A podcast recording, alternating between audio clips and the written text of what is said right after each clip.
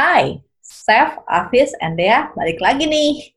Minggu lalu kita udah bahas apa aja sih yang udah dilaporin secara saintifik mengenai kebiasaan mencuci tangan. Tentunya di saat-saat seperti ini, kita bisa belajar banyak dari epidemi-epidemi yang lain dan bagaimana praktik mencuci tangan dan menggunakan masker yang benar bisa membantu mengurangi penyebaran patogen dan infeksi. Nah, minggu ini kita masih mau ngobrolin isu hygiene nih. Oke banget nih, Steph. Yang pertama di minggu ini, kita mau bahas mengenai produk yang makin jarang dijual nih di pasaran gara wabah COVID-19. Tidak lain, tidak bukan adalah hand sanitizer. Waktu lockdown baru dimulai nih, gue inget mendadak stok hand sanitizer ini ludes, dan kalaupun ada, harganya mahal. Akhirnya nih, ada aja yang posting tutorial untuk bikin hand sanitizer sendiri. Saking banyaknya nih resep, gue jadi berasa kayak cari-cari resep masakan aja nih. Gimana menurut kalian? Uh, kalau gue sih ya, gue udah gregetan. Gue kurang setuju banget dengan bikin hand sanitizer sendiri ini. Kayak yang kita bahas di episode sebelumnya, menurut CDC alias Centers of Disease Control, sebisa mungkin ya harusnya cuci tangan dengan air mengalir dan sabun. Apalagi kalau tangan kita kotor dan berminyak banget. Hand sanitizer jadi nggak efektif. Dr. Jason Kinraychuk, yang merupakan asisten profesor viral patogenis di University of Manitoba, Kanada, juga ngejelasin panjang lebar tentang ini di YouTube. Linknya bakalan kita share di blog nih, buat yang kalian yang penasaran. Terus, CDC juga concern dengan informasi dan metode yang digunakan untuk membuat produk-produk sanitasi ini dan mempertanyakan keamanannya ke kulit kita. Selain itu, ahli-ahli ini juga mewanti-wanti bahwa sebenarnya bikin hand sanitizer ini nggak segampang kelihatannya loh. Kalau konsentrasinya nggak sesuai, bisa jadi produk handmade ini malah jadinya nggak efektif, terlalu keras, dan jadinya ujung-ujungnya lo malah buang-buang bahan konsentrasi dan rasio bahan-bahannya harusnya gimana sih, Dek? Kalau menurut CDC, hand sanitizer berbahan dasar alkohol harus mengandung minimal 60% alkohol. Konsentrasi ini adalah konsentrasi yang biasa kita temui di produk-produk komersial di pasaran. Dr. Sally Bloomfield dari The London School of Hygiene and Tropical Medicine agak-agak skeptis kalau orang bisa bikin ini di rumah dengan sesuai. Bentar, bentar. Skeptisnya kenapa sih? Gue lihat WHO punya guideline buat bikin hand sanitizer nih. It looks pretty straightforward to me. Sekadar campur isopropanol atau etanol sama bahan-bahan lain kayak glycerol, air, dan hidrogen peroksida. I mean, I can do it within 5 minutes in the lab. Ya, itu lo, Fizz. Kalau di lab sih gampang ya bikinnya ya, karena lo punya akses ke fasilitas alat-alat yang analytical dan bahan-bahannya lo beli dari supplier yang berlisensi kan. Terus lo kan terlatih banget urusan beginian. Biasa ngeracik dan ngerti MSDS, alias dokumen yang jelasin tentang bahaya dan cara yang aman buat menangani bahan-bahan kimia juga.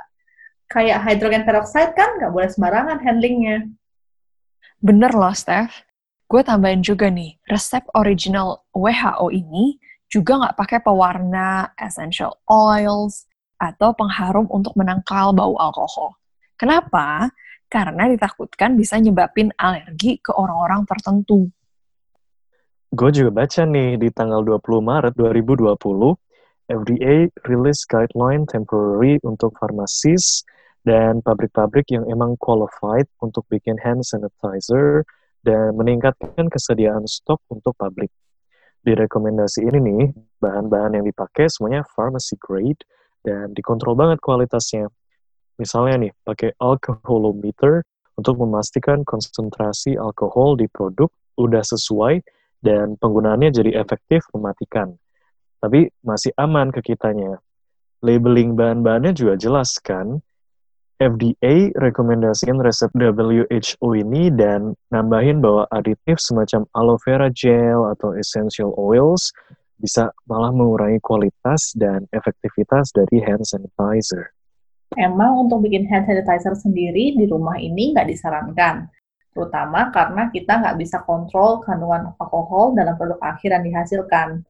Kalau ternyata kandungan alkoholnya kurang, Yang ada malah jadinya nggak efektif untuk membunuh kuman-kuman. Selain itu, kalau alat-alat yang dipakai ternyata nggak steril, ujung-ujungnya kan semua batch yang dihasilkan jadi terkontaminasi juga. Nah, betul, Steph. Jangan sampai bisa-bisaannya ada orang yang namain vodka atau spirits karena berpikiran, oh, liquor ini memiliki konsentrasi alkohol yang pas buat bikin hand sanitizer. That's rather dumb, actually. Karena biasanya liquor ini udah dicampur dengan air. Now imagine, if you mix 80 proof vodka, which is the standard proof, with alu, you will end up with hand sanitizer that contains less than 40% alcohol. In response to a tweet about someone using Tito's vodka to make DIY hand sanitizer, the company has responded by saying that you shouldn't use it for that purpose. All in all, I think what we want to say is be wise. I mean, if you want to make it yourself, you do it at your own risk, and you should be cautious when sharing the recipe to other people unless you can follow the instructions outlined by WHO. Making your own hand sanitizer just isn't smart for your own safety. Kalau emang bisa cuci tangan, lebih disarankan untuk cuci tangan dengan air dan sabun selama 20 detik sesering mungkin. Kayak setelah selesai urusan toilet, sebelum atau setelah makan, atau sebelum dan setelah nyiapin makanan. Yap, yap. Jangan lupa juga buat nggak sering-sering menyentuh area bagian muka, apalagi dengan tangan yang kotor. Karena habis seharian beraktivitas di luar, tangan kita dipenuhi kuman yang bisa gampang banget masuk ke tubuh kita melalui mulut, hidung, atau mata. So, I think now we agree about this hand sanitizer. Tapi sesuai janji, gue juga masih ada satu hal lagi nih yang masih dalam konteks COVID-19 yang bikin gue gregetan. The abusive use of antibiotics. Banyak banget pemahaman awam yang menganggap kuman sebagai penyebab berbagai penyakit menular. Which is partly correct, but what we forget is realizing that microorganism consists of various organisms, including parasites, bacteria, yeast, fungi, viruses, etc. I share your concern too. Um, banyak orang, termasuk dokter atau perawat juga, yang cenderung menggunakan antibiotik dengan mudah Padahal antibiotik itu dipilih sebagai alat untuk membunuh bakteri. Yang mesti diingat nih, bahkan ada beberapa antibiotik yang disebut narrow spectrum antibiotic yang mana kegunaannya untuk membunuh bakteri tertentu. Berbeda sama broad spectrum antibiotic yang bisa membunuh varian bakteri yang lebih beragam. Ada beberapa broad spectrum antibiotics tergantung cara kerjanya yang bisa mengganggu stabilitas fungi, tapi tetap aja nggak cukup untuk membunuh fungi That's it. No more, no less. So, expecting antibiotics to kill fungi or viruses is too much to ask. Hmm, kalau gue pikir-pikir, mungkin kronologisnya begini.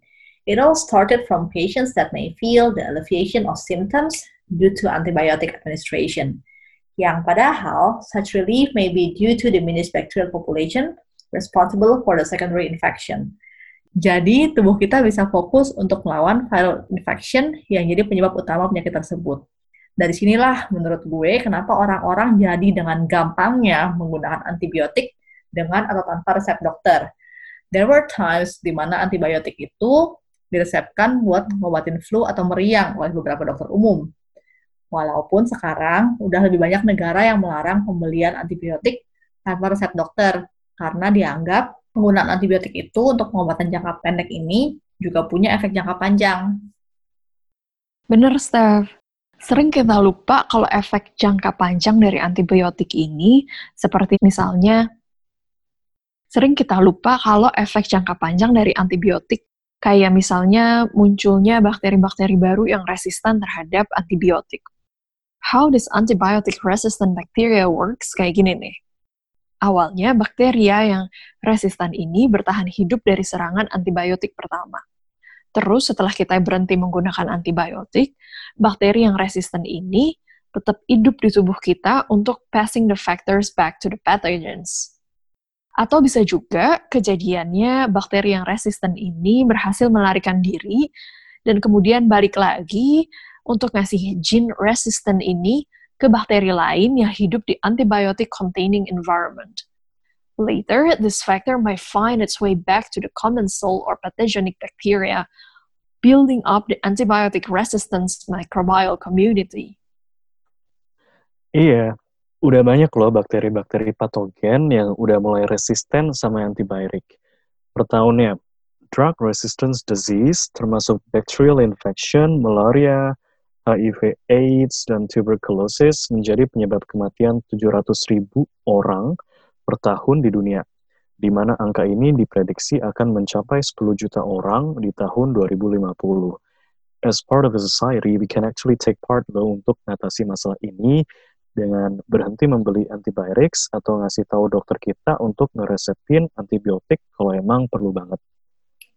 Selain itu, menurut gue juga penting sih, Fis, buat apotek-apotek, apalagi di Indo, di mana regulasi untuk penggunaan antibiotik ini masih belum se-strict di negara-negara Eropa misalkan, di mana apotek juga mengambil komitmen untuk nggak menjual antibiotik tanpa resep dokter, walaupun pasti ada konsekuensi finansial yang harus ditanggung. Setuju. Karena tanpa antibiotik ini, kita bisa membantu gut microbiota kita untuk melawan bakteri-bakteri patogen secara alami dan ngebalikin komposisinya ke normal setelah kita sembuh, which would strengthen the defense mechanism for the next attack. Gue juga mau nambahin nih, menurut gue penting juga untuk ngurangin penggunaan antibiotik di area lain kayak misalkan pertanian dan peternakan. Karena kalau enggak, tetap aja akan selalu ada resiko di mana antimicrobial substances may leak to the environment. Selain itu, memperbaiki akses air bersih dan fasilitas sanitasi juga harus jadi perhatian. Berdasarkan review on Antimicrobial Resistance Commission, mereka memprediksi 60% potensi penurunan penggunaan antibiotik untuk penyakit diare yang berkaitan erat dengan air bersih dan sanitasi. Jadinya, dengan peningkatan kualitas air bersih dan sanitasi, serta menerapkan pola hidup bersih sehari-hari menjadi bagian penting untuk menekan penyebaran bakteri-bakteri yang resisten terhadap antibiotik dan bisa meningkatkan kualitas kesehatan kita secara keseluruhan. I can't agree more. Jadi, sambil nunggu pemerintah juga membuat kebijakan-kebijakan yang bisa menambah kualitas hidup kita, let's start doing it from ourselves. Emang nggak gampang sih buat merubah kebiasaan yang lama kita, but we hope that everyone understands the importance of these hygiene practices and turns them slowly into habits. I did really enjoy our special episode today. If you do too, please come back to check our weekly podcast on anchor.fm slash set underscore podcast, di mana kalian bisa milih mau dengar di Spotify, Google Podcast, dan lain-lain. Kalau kalian tertarik untuk cari tahu references yang kami pakai, kalian bisa baca lebih lanjut di blog kami podcastbyset.wixsite.com slash set-project. If you have any topic that you want us to cover, send us email to podcastbysat at gmail.com. Also, follow us on Instagram at Project by Sat or Facebook page The Sat Project. If you have enjoyed our podcast or blog articles so far and want to get more involved, you can be our patrons by visiting patron.com slash setproject. Steph, Afis, dan Dea pamit and see you next week.